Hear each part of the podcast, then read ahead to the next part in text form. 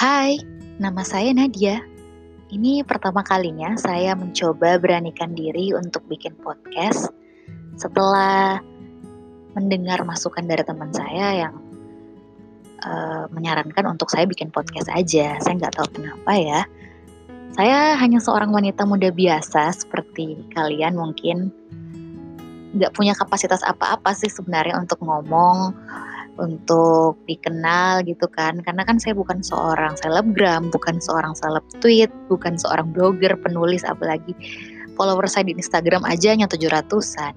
Jadi bukan seorang yang terkenal lah.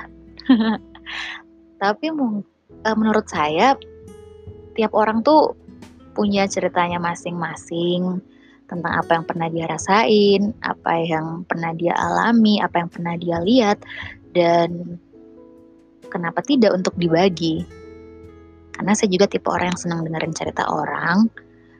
Menurut saya tiap cerita orang tuh ada hal yang bisa kita ambil mungkin untuk kita terapkan di kehidupan kita ataupun kita jadiin pembelajaran.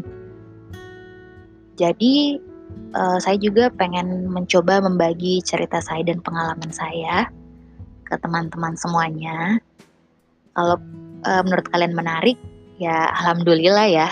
Tapi kalaupun tidak, ya ini menjadi cara saya aja untuk mengeluarkan cie apa yang saya rasain.